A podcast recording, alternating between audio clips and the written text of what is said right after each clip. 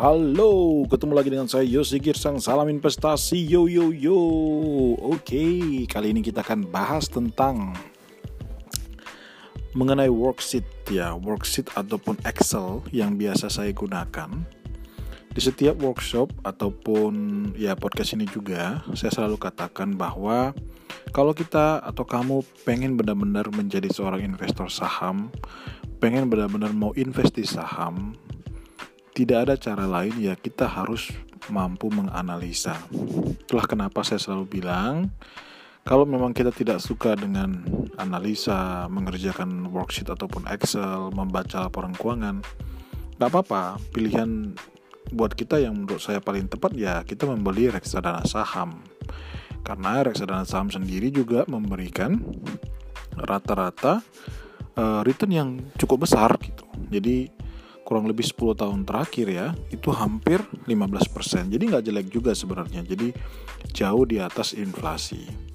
Nah sekarang kalau kita fokus bilang uh, dan pengen komit ya pengen benar-benar melakukan yang namanya investasi saham mau nggak mau kita memang harus melakukan analisa.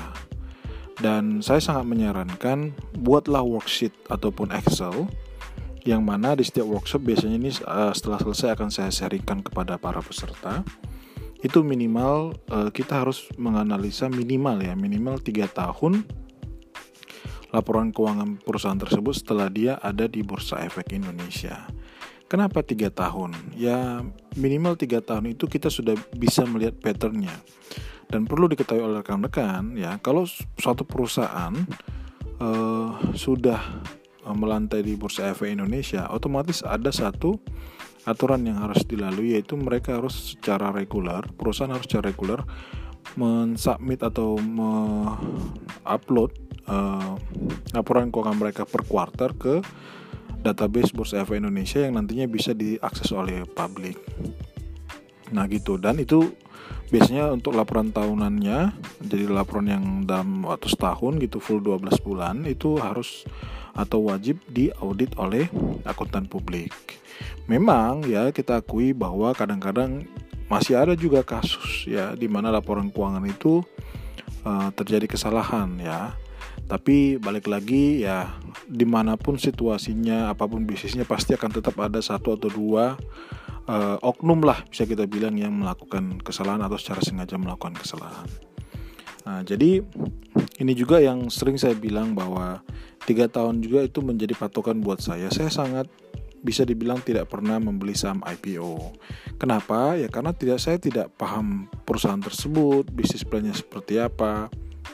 Dan biasanya saya memberikan waktu dulu karena eh, sebagai investor saham kita percaya bahwa uh, harga saham itu akan naik seiring dengan kinerja dari perusahaan. Artinya kalau perusahaan itu mencetak laba, perusahaan itu sehat, pasti akan diikuti oleh kenaikan harga sahamnya. Memang ada sih, bisa jadi ada perusahaan yang mungkin bagus tapi harga sahamnya tidak terlalu naik. Tapi kalau dia membagi rutin membagi dividen, sebenarnya itu pun uh, bisa memberikan uh, cash flow atau income yang bisa besar. Kalau misalkan uh, saham itu terdiskon terus gitu ya artinya dividennya yieldnya bisa sangat tinggi gitu.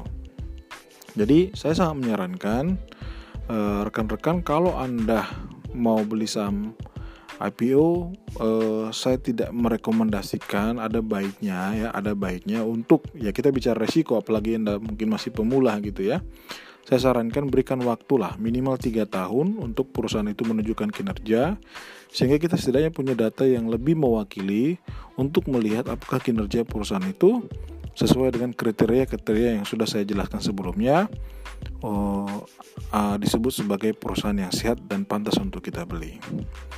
Nah, jadi uh, tidak ada pilihan, kita harus banyak latihan dalam artian mengisi worksheet itu dan ketahuilah bahwa semakin banyak Anda uh, mencoba mengisi worksheet tersebut ataupun Excel tadi itu akan sangat membantu dan melatih Anda. Jadi ibaratnya kalau kita bicara tentang analisa fundamental perusahaan dan valuasi itu seperti kayak membangun crafting, membangun sesuatu, misalkan membangun rumah.